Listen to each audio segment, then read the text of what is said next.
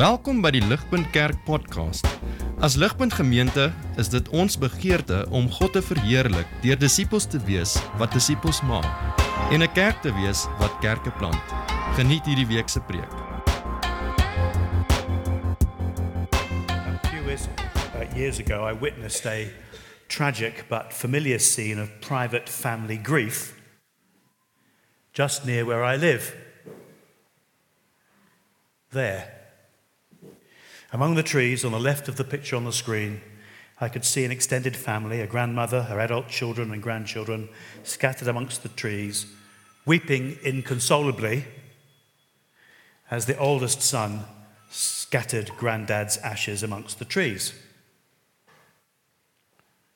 I mean, it was just a desperate scene. And I thought to myself, God's gospel regarding his son, Jesus Christ our Lord, who came as our king, died for our sins, and rose to rule, and he will return to judge and renew all things to the glory of God, is such good news for a dying world. For as the Apostle Paul says in 1 Thessalonians 4, we believe that Jesus died and rose again. And so we believe that God will bring with Jesus those who've fallen asleep in him.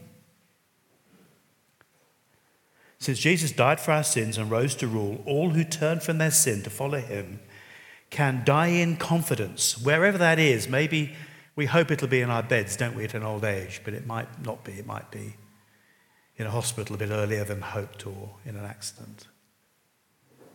When it's our moment to die, we can die in confidence. I mean, many of us in the moment, the process will be miserable, and many of us will lose confidence in that moment. That's all right. It's still true. But we will want our friends to come and remind us, tell us the gospel. We can die in confidence that when Jesus returns to raise the living and the dead, he, we will live in the joy of his people with him forever. And all because of what happened on the biggest weekend ever, when Jesus died and rose. Yesterday we considered his glorious death. Today we're considering his glorious resurrection. His resurrection from the tomb is not a religious myth or legend. So let me just briefly rehearse the evidence, not only for ourselves, but also for the unbelievers that we need to speak to when we go back home. Let's think of some evidence for the resurrection. It's true, isn't it, that such an extraordinary miracle with such immense implications requires a high level of proof. That seems reasonable to me. Certainly for myself, I have no desire to waste my life proclaiming an unsubstantiated myth for gullible people in need of fantasy hopes. If this isn't true, please tell me, and I'll go back to being a lawyer. I want reasonable evidence for such an amazing truth. And God has graciously provided us with overwhelming evidence for Jesus' resurrection. First, in the countless detailed prophecies fulfilled in the events of Jesus' death and resurrection, Next, in the multiple eyewitness accounts available in the Gospels, and then in the obvious impact the living Jesus is having in the lives of his followers today. We've just heard it. The evidence in the Gospel accounts alone is overwhelming for any open minded person. I find it helpful to remember it in three themes He was definitely dead, he was definitely gone, he was definitely seen. And so I just work through those three things with people. He was definitely dead. Jews and Muslims are taught that Jesus merely swooned on the cross and then revived in the tomb. But the records show that he was condemned to die. And the professional execution squad and the Roman governor Pilate and the friends of Jesus all examined his body to make sure he was dead. They did not want to make a mistake, so they checked. He was dead. He was then buried by Nicodemus and Joseph of Arimathea in Joseph's tomb not what you do with a friend who isn't really dead. Indeed, to believe that after the brutal beatings of the night before, six hours of public crucifixion, that a man confirmed dead and then speared in his chest for good measure, releasing separated blood and serum from his chest cavity, which is in itself a sure sign of death, was then wrapped up in cloths and buried in a tomb without hospital care, woke up a couple of days later, burst out of his wrappings, kicked down the stone door, overpowered the Roman guard, and ran off to the town saying, I'm fine, is absolutely ridiculous. I don't have that kind of faith. I just can't believe that. It's nonsense. He was dead and buried. Next, he was definitely gone. We know the guards at the tomb couldn't explain the disappearance of Jesus' body. An earthquake opened the stone door, not to let Jesus out, he'd already gone, but to let the witnesses in to see that he'd gone. The guards had to be bribed to keep quiet. The women who'd seen exactly where Jesus was buried went back to find his tomb empty. They never dreamt he was alive, so they assumed the tomb caretaker had stolen the body. And it can't have been grave robbers because the very thing worth stealing, and the really killer fact in John's gospel, is that the burial cloths, impregnated with expensive spices, which is what grave robbers were after, were left folded up in the tomb. So that means you've got to imagine that somebody stole this incredibly resurrected body, this revived body, let's ignore all that, stole the body, but first stopped to unwrap the body until it was naked left all the cloths so they could then take Jesus' decomposing body out of the grave. Why on earth would they do that? Utterly absurd. So he was definitely dead, he was definitely gone. But in the end, the conclusive evidence is that he was definitely seen. He was seen, heard, and touched on multiple occasions with extended conversations over the period of a month by hundreds of people, publicly and privately, large and small groups, often for quite extended conversations. And the people who met and talked with him were later willing to die rather than deny what they knew to be true. Jesus is alive. Now, however zealous you are, you don't die for something that you know isn't true. You know, you don't keep saying, yeah, yeah, um, I've seen Jesus alive when you know in your heart you didn't and then you let yourself and your family be killed. I mean, why would you do that? Complete bonkers.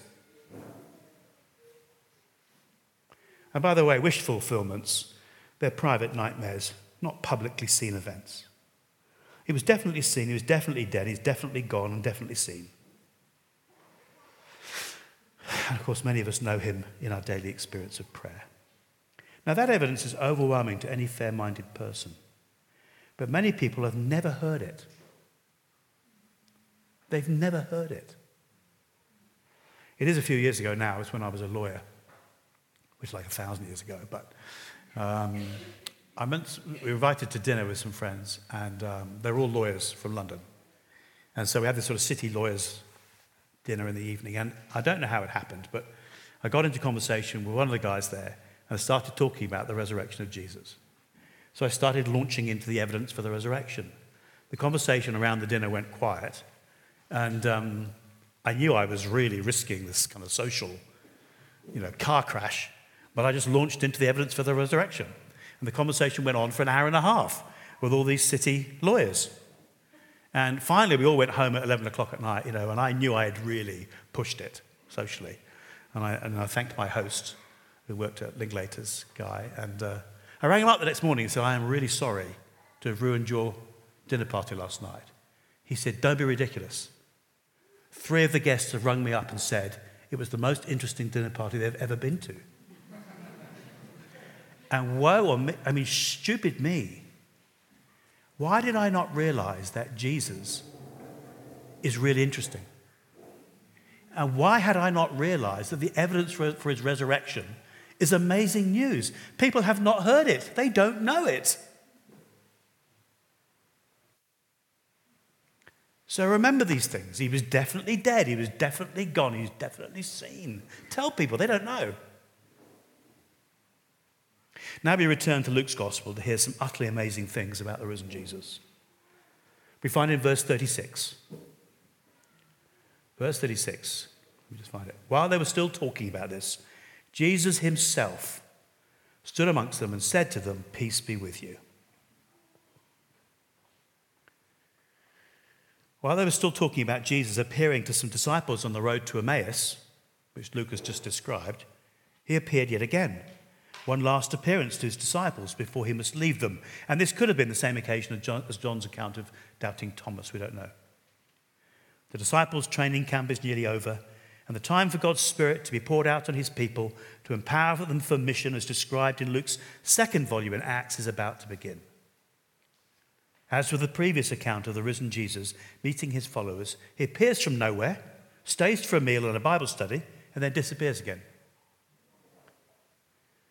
Again, the risen Jesus explains himself to his gathered disciples from the pages of the Bible. I mean, remarkably, if there was ever an occasion to give them a bit of sort of special extra revelation, this is it. And he doesn't do that. He says, I want to show you in the Bible. He's not giving them special new revelations, he's giving them confidence in the sufficiency of their scriptures. And he's preparing them for the pattern of our community life in his absence, as today we gather to understand him from the scriptures. I mean, it's remarkable that he does Bible study. Notice that we read here Jesus himself, just as in verse 38, Jesus says, It is I myself. No, it's not a ghost or a vision or an apparition, it's Jesus. He remains one person, two natures, divine and human. That his divine nature is immortal is no surprise, but that his human flesh is now resurrected is utterly extraordinary. Now, he's not yet enthroned and glorified, as John sees him in Revelation 1, in dazzling and terrifying power. So he is about to ascend to be enthroned in power. So he's not yet kind of terrifying in glory, but he is resurrected. It's the same man who the disciples have spent the last three years getting to know. Like him, when we are raised, each of us will be ourselves.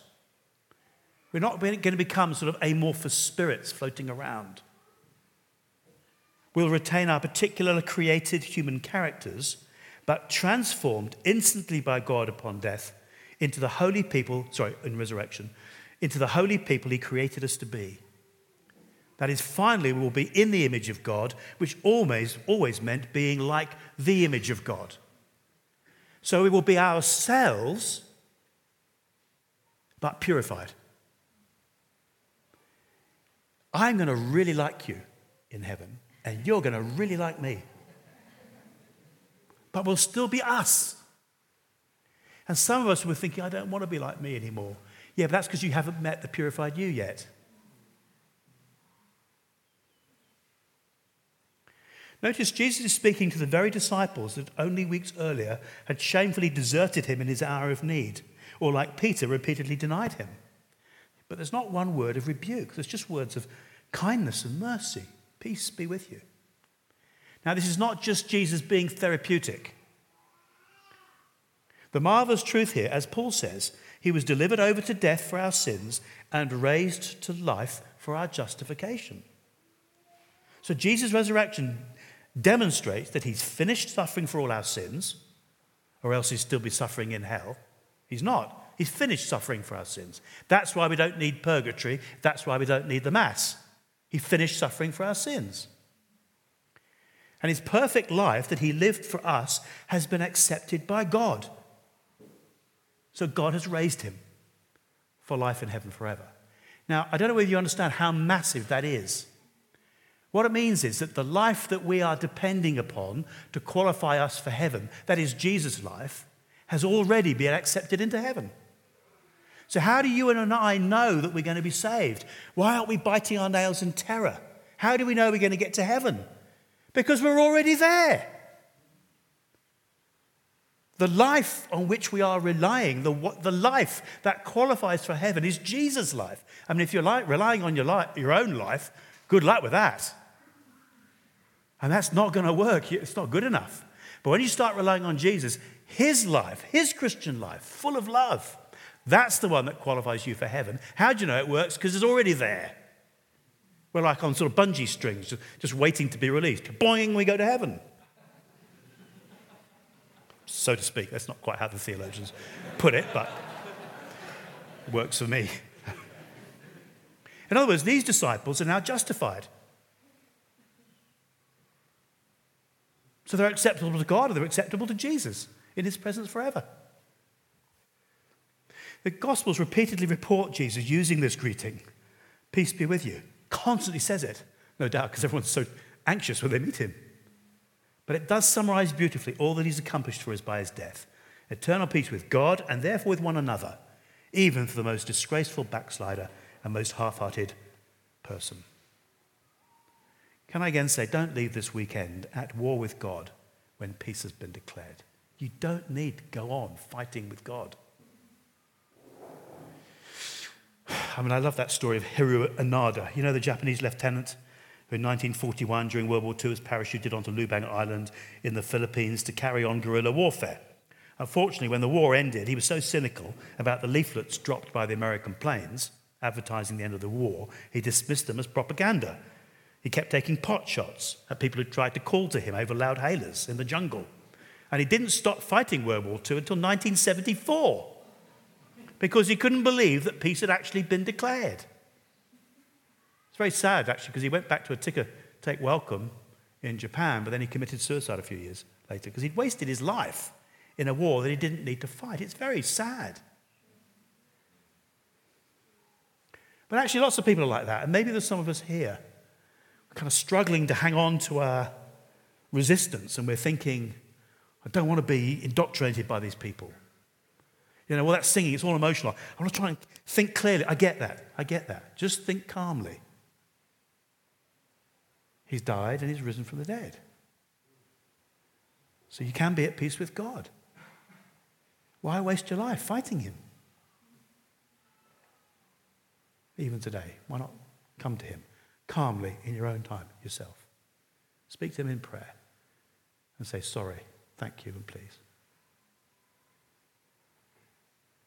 Now, the disciples experience two astonishing implications of Jesus' resurrection. The first one's going to blow your mind, so I'm going to spend most of your time with that, and then we'll try and hurry on. I've got a story for you. One, flesh and blood, flesh and bones. This is verse 37. They were startled and frightened, thinking they saw a ghost, as any of us would be, terrified and astonished, and assume they're witnessing some kind of ghost. Verse 38, he said to them, Why are you troubled? Why do doubts rise in your minds? Look at my hands and my feet it is I myself. Touch me and see. A ghost doesn't have flesh and bones, as you see I have. And when he said this, he showed them his hands and his feet.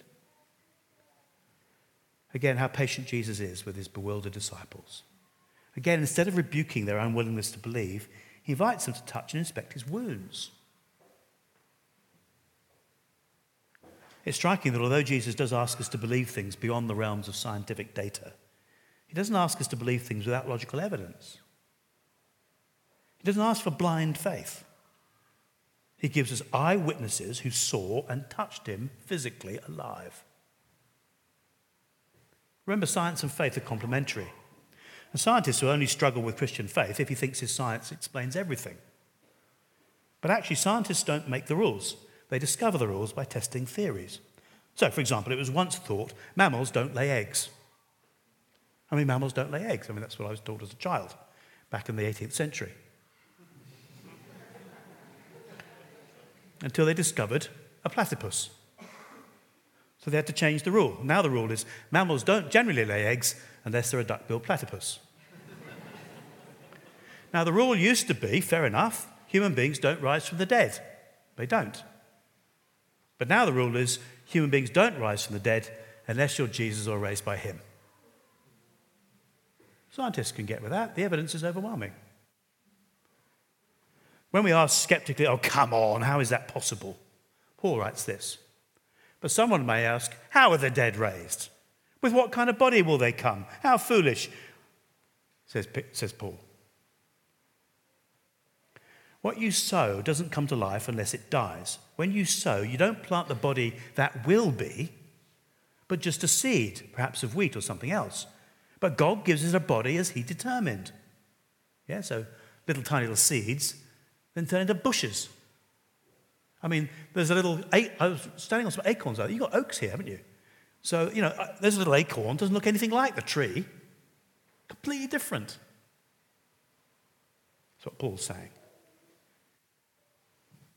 So will it be with the resurrection of the dead. The body that is sown is perishable, it's raised imperishable. It's sown in dishonor, it's raised in glory. It's sown in weakness. It's raised in power. It's sown a natural body. It's raised a spiritual body. Just as we have borne the likeness of the earthly man, Adam, so shall we bear the likeness of the man from heaven, Jesus. You can read it all there in 1 Corinthians 15.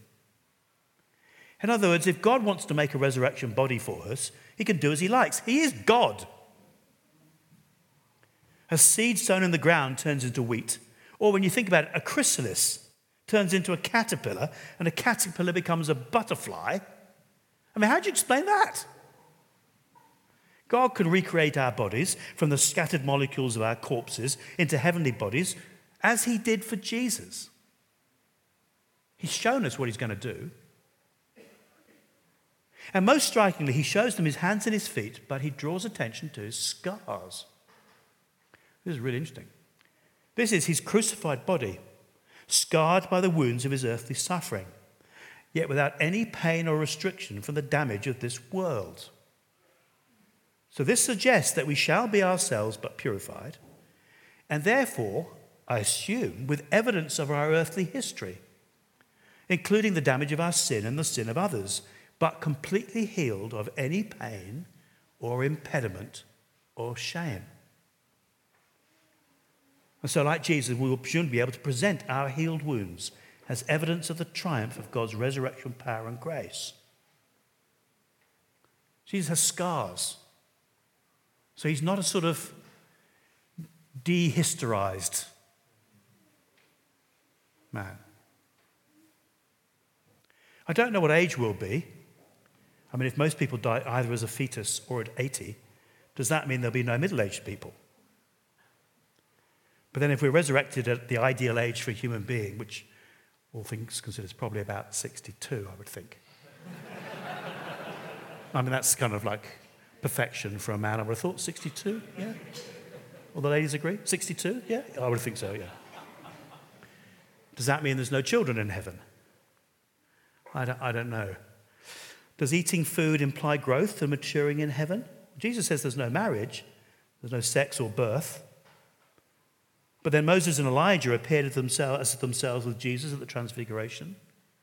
So we'll clearly recognize one another, including our spouses but without any recrimination, no resentment, because all our tears will be wiped away and we're all transformed in holiness. We're just too busy enjoying God together. Presumably, where we've suffered emotionally or physically, we will be able to recall with joy how we've been delivered from it all. And where our sin has damaged us, crippled our service, paralyzed our love, so we fail to serve or praise God adequately in this life. And we've been unable to love people. We look back over our lives and we know we've failed people in various ways.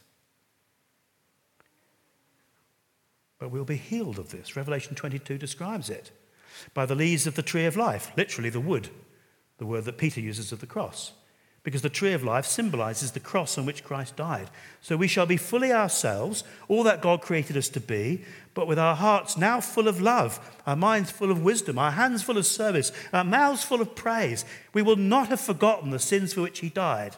For we will be praising the Lamb for dying for us. We're not going to be sitting there, praise the Lamb, praise the Anybody know what? Any, no. No idea what we did wrong? Why are we doing it? I don't know. Just carry on. Praise the Lamb, praise the Lamb. Anybody know any? We're not going to be ignorant of why Jesus died. But he will be so magnificent that it'll only increase how we praise him. We will be free from all guilt and anxiety, celebrating as Jesus did the scars that proclaim his resurrection power. In other words, I'll show you my scars, and you'll show me your scars, and we'll all laugh with amazement and joy in God. That's incredible, isn't it? Showed the scars. This was no immaterial phantom, no momentary hallucination or desperate psychotic episode filling an emotional hole. Here was a physical, living, talking man, the real Jesus transformed for heaven. Not surprisingly, it's all a bit too much for the disciples. They're so they're too amazed to come believe it. How can it be true? So Jesus helps them out with what I think is a mind-boggling request.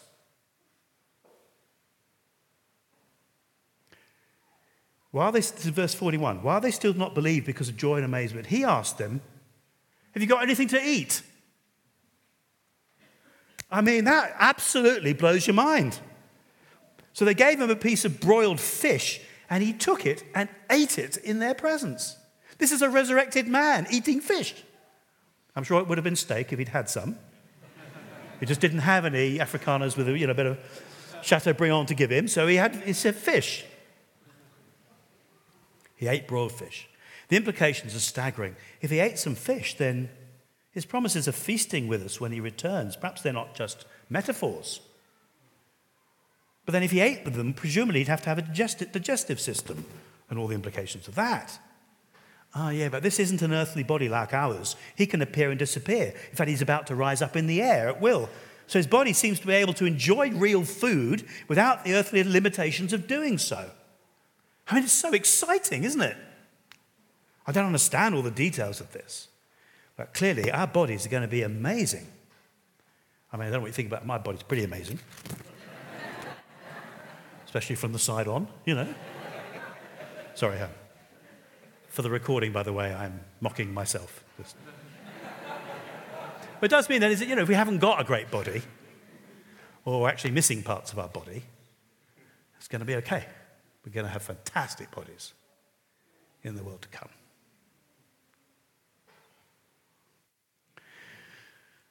There's so much that we don't understand.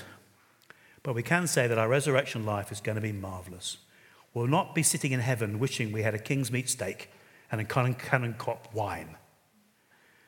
We'll be able to enjoy braais with Jesus and yet rise up and disappear with him at will. We won't even argue about who uses the tongs. and the girls are allowed to have a go. I'll stop there before somebody. Indeed, the physical continuity combined with spiritual glorification of Jesus' resurrection is the pattern, not only for our resurrection, but actually for the renewal of the whole creation. Real death and destruction by fire, real resurrection with continuity and enhancement. So I don't know if you've seen the TV show Extreme Makeover. Anybody ever seen that? Um, I don't know if you have your own one here, but I remember the American one. I loved it because it's wonderfully sentimental. You know, a severely disadvantaged family living in appalling conditions are basically given a marvelous new home built for them by the NBC television network. Family whisked off to a theme park for a week, and while they're away, an enormous team of designers and builders, led by Ty Pennington, will destroy the hovel and rebuild it as a mansion. State of the art technology, glorious comforts. And you know, when the house is finished and the local community all gather to welcome the family home, they're sort of, you know, they're all sobbing. You know, it's great TV. Tear jerking scenes as the, the family is shown around their fabulous new home, overcome with excitement. That's what it's going to be like for us. God's extreme makeover of the entire universe, which was launched and begun and guaranteed by the resurrection of Jesus. We know the rest is coming because Jesus is risen from the dead. How wonderful is that?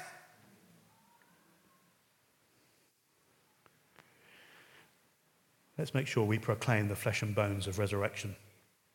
I shared earlier in the week that um, my um, parents in law have, for many, many years, attended a liberal church in Wales, Welsh speaking church. And the former minister once had a conversation with me at a family do. And his name was Cunwell.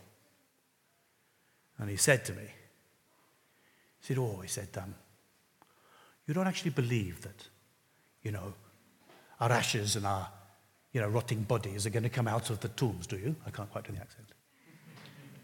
Said, You know, I mean, all the slime and the, it's not actually going to, we're not going to climb out of our graves, do you? You don't think that, do you? I said, Yes. Of course I do. That's what happened to Jesus. He said, Oh, he said, that's where you and I differ. well, I thought, what a tragedy that that man's been a minister teaching my parents in law there's no such thing as physical resurrection. That's a disgrace. I hope we can do better than that, can't we? What happened to Jesus will happen to us physical. That's the first thing. Pretty marvelous, pretty exciting. Secondly, more briefly, everything must be fulfilled. This is verses 44 to 47. Verse 44, he said to them, This is what I told you while I was still with you. Everything must be fulfilled that's written about me in the law of Moses, the prophets, and the Psalms. See, God has published his plans in the Bible, in the three sections of the Old Testament the law, Genesis to Deuteronomy, the prophets from Joshua to 2 Chronicles, and the wisdom literature, the writings, all about. It's all about salvation by faith in Christ Jesus, says 2 Timothy 3. We find it hard to understand. So Jesus did something very special for his disciples because they're his appointed witnesses, the foundational apostles. They will write the New Testament for the generations to come. So he does something special for them. It's not us, this is for them. We want it for them. They're going to write the New Testament. Verse 45. Then he opened their minds so they could understand the scriptures. Hallelujah. I can't understand it all, but they did. He told them, This is what is written the Christ will suffer and rise from the dead on the third day, and repentance and forgiveness of sins will be preached in his name to all nations, beginning at Jerusalem. Notice the three stages that are there in the Old Testament. First, the Christ will suffer. That is for our sins, Isaiah 53. He was pierced for our transgressions, he was crushed for our iniquities. The punishment that brought us peace was on him. By his wounds we're healed. That's the first thing. We know that. We looked at that yesterday. Then he will rise from the dead on the third day. That is for our justification by God. Isaiah 53, verse 11. After the suffering of his soul, he'll see the light of life and be satisfied. By knowledge of him, my righteous servant will justify many. And we are justified, as the disciples were, in his life.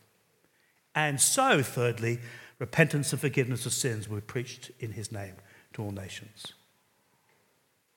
See, the death and resurrection of Jesus launches the preaching of the gospel, repentance and forgiveness of sins, preached in my name to all nations. Isaiah 49 It's too small a thing for you to be my servant to restore the tribes of Jacob and bring back those of Israel I have kept. I'll also make you a light for the Gentiles, that you will bring my salvation to the ends of the earth and even to Pretoria. It's too small a thing for Jesus to be the Savior of Israel. He's the Savior of the world. And therefore, repentance and forgiveness of sins. So I just wanted to think about this phrase repentance and forgiveness of sins. What are sins? You know, we kind of think it's all sort of, you know, doing bad stuff. It's actually more relational than that. So imagine two new teachers arriving to teach at a school in Pretoria. Menlo Park? Is that a school? All right. Let's think for two, two random names for these um, teachers, all right? We're not going to talk them, we're not going to call them Johan or Jaco. That's the, everyone seems to be called Johan or Jaco. Let's, let's, let's pick two random names, De Wet and Het. Just uh, randomly. Okay, so De Wet and Het arrive in uh, Pretoria to teach at this new school, and they're looking for accommodation. So they're scouring the papers. I don't know how you do this online. Where can we find? So we can't afford much, got no money, need something cheap. And they see this amazing advert and it's a mansion in Steyn City. I mean, this is enormous. I mean, it's an American billionaire. He's got this place. I mean, it's absolutely vast. You know, it's got a couple of wings to it, stables, sports rooms, swimming pools on the ground over. You know, it's just an absolutely state of the art mansion. And it's going to cost 10 rand a month. And De Wet and Het are not that stupid, so they ring up and they say, Sorry, is this a misprint or something? And they say, No, no. He said, uh, I don't really need the money. He said, I just need some people to look after this place for me because it's beautiful and I want you to look after it. So come and meet. So anyway, they turn up. Oh my goodness, they can't believe it. It's just incredible. And so the deal is done, and the American billionaire says, Right, I'm going to be off for a couple of years. He said, Look after the place. He said, I'll stay in touch because it's a big place. You need to know how to run it. So I'll, I'll send some emails and so on, but stay in touch. Pay your rent, 10 rand a month, that's all it is, yeah? And enjoy yourselves. they can't believe it, you know? Now, they're quite different guys, these two. So, De Wet, he's the party animal. So he takes the north wing, all right? And very soon, all his mates are there, all night raves, you know, and everyone's sort of you know, dancing all night, and, you know, there's beer and wine, people vomiting on the floors, and you know, the cigarette stains on the carpets. De Wet's having a wild old time. And, um, you know, and, and then um, uh, Het, he moves into the south wing. Now, Het's completely different, all right? He's in bed by 8 o'clock in the evening, He is so nicely turned out. He even irons his pajamas to make sure they've got creases in them, and he, you know, and he, and he sort of you know polishes the brass handles every night, and um, he's just the model tenant. I mean, he, you know, he's just you know very very well behaved, very very polite. You see, a complete two completely different people. And everybody assumes, of course, that when the owner returns, I mean, De Wet's going to be thrown out. I mean, he's useless. And um, yeah, but Het, he'll probably be given the whole place. I mean, he's, you know, he's amazing. And um, anyway, the owner comes back uh, with uh, his son, uh, his grown up son. They come back from America uh, to this, to this um, mansion in Steyn City. And sure enough, um, they threw De Wet out. But to everyone's surprise, they threw Het out as well. But to anybody who asked the owner, he explained. He said, Look, I know they lived very different lives. I know one of them was a party animal, and the other one was very polite. But actually, they treated me the same. Neither of them bothered to pay any rent. Neither of them listened to a thing I said. And I'm sorry, if they're going to treat me like that, they're going to have to go. And you would have to say at that point,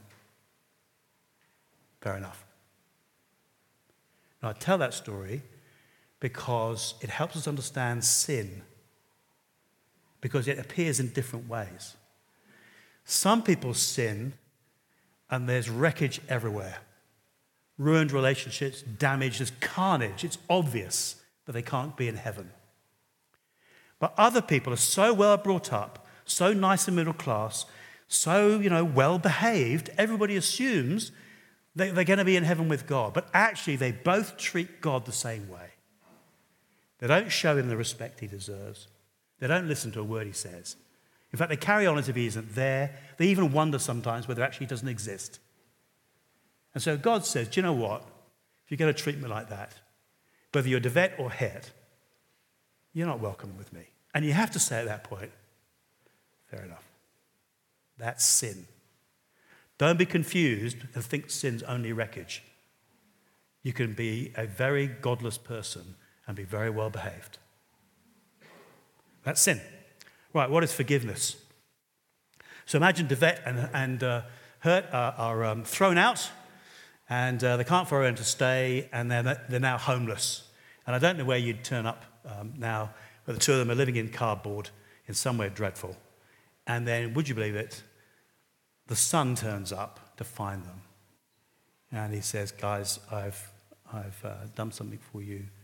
He said, I've spoken to my dad, and um, we've decided to give you another chance. And uh, he said, I've paid all your back rent. Actually, I've paid your rent for life. It's all paid, and you guys can come back into the house and uh, enjoy it again. Well, the, the, guys can't believe it. They turn back out the house, and they discover they're, th- they're shown into the son's rooms, which are amazing. And it suddenly dawns on them that means the son is no longer living in the house, and he's now homeless on the street. Now, that's forgiveness. So, forgiveness is to have all our debts paid. That's what Jesus did on the cross, paid it all. Repentance. So, what do you need to do to turn back to God for salvation? What is repentance? What it means, the actual word means to change your mind. But it's not just at a sort of superficial intellectual level, it means to believe with your mind to the depth of your will. Or, in other words, to believe it enough to change the way you live. So, here's an illustration for you, a physical illustration, because I'm mobile. So, if we're, if we're sort of walking this way, which is following our own sins, which lead to hell, yeah? When you become a Christian, when you repent, what it means is to turn around and walk this way, following Jesus, which leads to heaven. But you have to actually turn around, okay?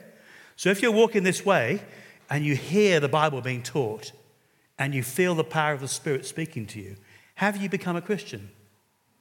No. You haven't actually turned around. You just heard the Word of God. What do you hear the Word of God? You think, I, I really want to be a Christian. I, I mean, I love these people. They really I want to be a Christian. Have you become a Christian? No, because you haven't turned around. What if you, you walk this way, you know all the language, you feel the power, you want to be it, you know you should, you really think you should, and sometimes you're afflicted with guilt. Have you become a Christian yet? No. Not until you actually turn around. And what that means is, as far as your sin means, you need to reject your patterns of sin and you need to start following Jesus and going this way. The reason why it's so important, this, so many people think they've tried Christianity, but they never have. And they, so they drift away from God. You think, how did that happen? The answer is because they were, they were amongst us, they felt the power of God's word, they never actually turned around. There is a sense in which you have to decide, I'm going to follow Jesus. Now, listen, you can't follow, you can't promise perfection because parts of your life go back in the old way, yeah? So we've got to rebel. You know, that bit goes back, and then that bit goes back, and then that. And so all you're doing all your life there is hearing the word of God and once more bringing those different parts of your life into the direction again that you've chosen to go. You're not becoming a Christian. Oh, I'm not a Christian. Now I'm a Christian. Now I'm not a Christian. Now I'm a You're not doing that. It's, you're living inconsistently. You've chosen to follow Jesus, but parts of your life you keep going back in the, the old way. But, brothers and sisters, you're not a Christian until you repent and believe. You see, as far as the sin is concerned, you'd have to turn from it. That's repentance. As far as the faith is concerned, you have to turn to it. That's faith. Two sides of the same coin. You turn from your sin, you turn to Jesus, repentance and faith.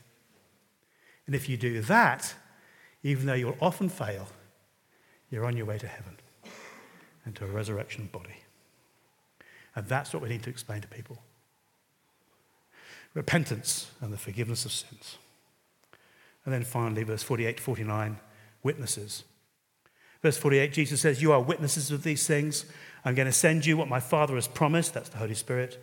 But stay in the city until you've been clothed with power from on high. As back in 1 Chronicles 12, when the Spirit came upon the, the mighty warriors of King David, King's Spirit, God's Spirit, will now come upon the apostles to be the mighty men of Jesus. And in his absence, we too will need the enlightenment of his Holy Spirit to preach the gospel.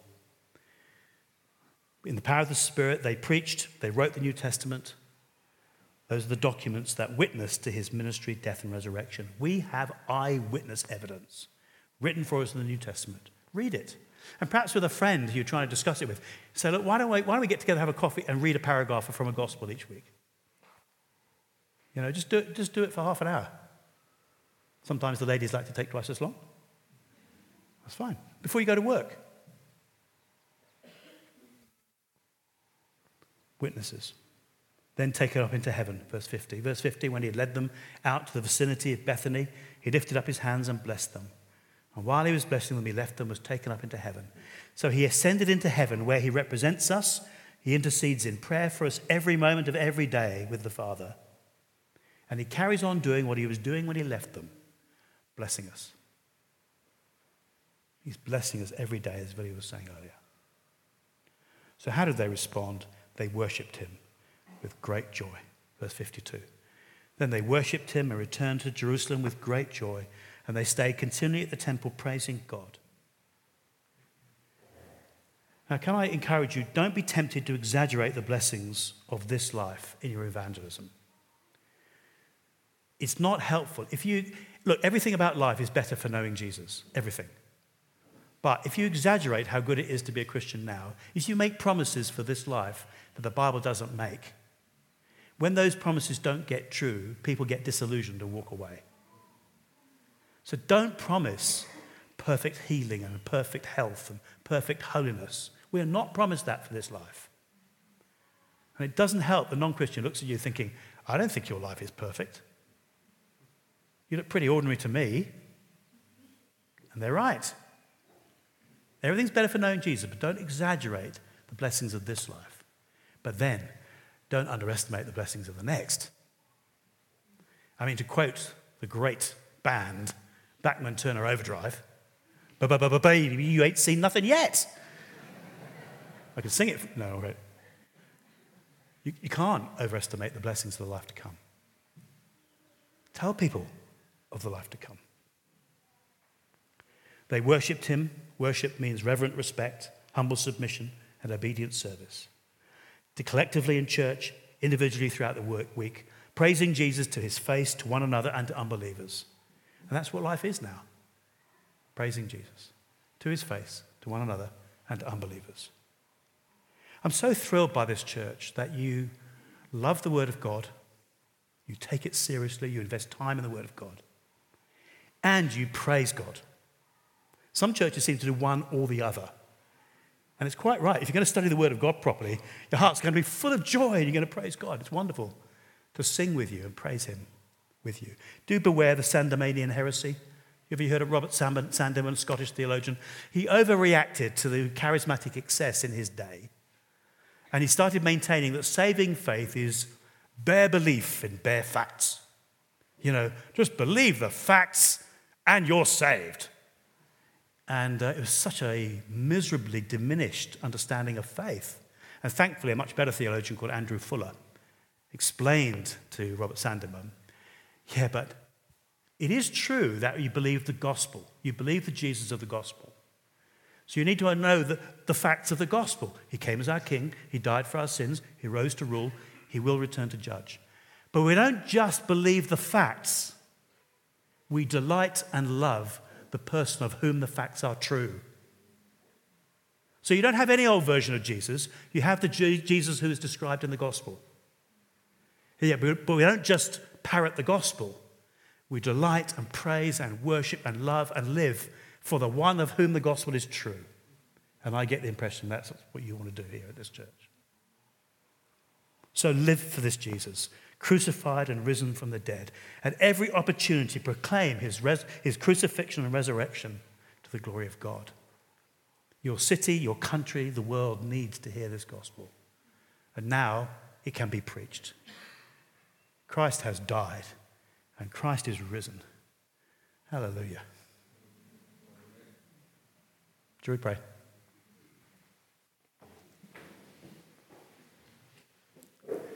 Let me give you a moment of quiet just to pray to Jesus yourself. He's alive, He's listening. Why don't you talk to Him in prayer now?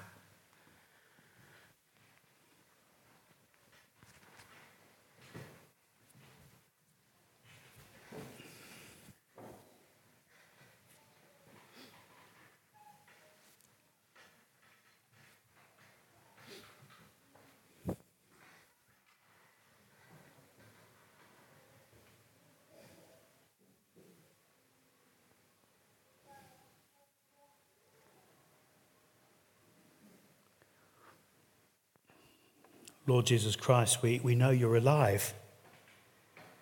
And we're talking to you and you hear us. And we praise you that you have risen from the dead. We praise that you died for all our sins once and for all. And now you've raised for our, risen for our justification. Thank you that we are counted perfect in you, acceptable in your presence forever in you. How we thank you that you've launched the age of resurrection, that the new creation is on its way. Thank you that we will be transformed as you have been transformed. That we too will have these glorious resurrection bodies, still ourselves, able to celebrate the scars of life, but all the pain gone and all the limitations taken away. And we will celebrate your grace together. Lord Jesus, you are alive. Thank you for showing us the evidence for this that your body was dead, your body was gone, and your body was seen. And we thank you that you ate fish. We thank you for the prospect of feasting with you in heaven. And how we thank you, Lord, that everything that the scriptures have said has been fulfilled. And now the repentance for the forgiveness of sins is to be preached. So please help us to do that as we think of our friends and colleagues and family back home. Please help us to take every opportunity to proclaim you to them, to explain you to them, to those who've not heard in language they can understand. Help us to speak about your death for our sins and your resurrection for our justification. And above all, Lord, fill our hearts with praise. May we delight in you, of whom this gospel is true. May we love you, serve you, live for you, enjoy you forever. Please, would you be the center of our lives and the center of this church? We ask it for the glory of your name. Amen. Vir meer inligting oor Ligpunt Kerk, besoek gerus ons webwerf op www.ligpunt.com of kontak ons gerus by info@ligpunt.com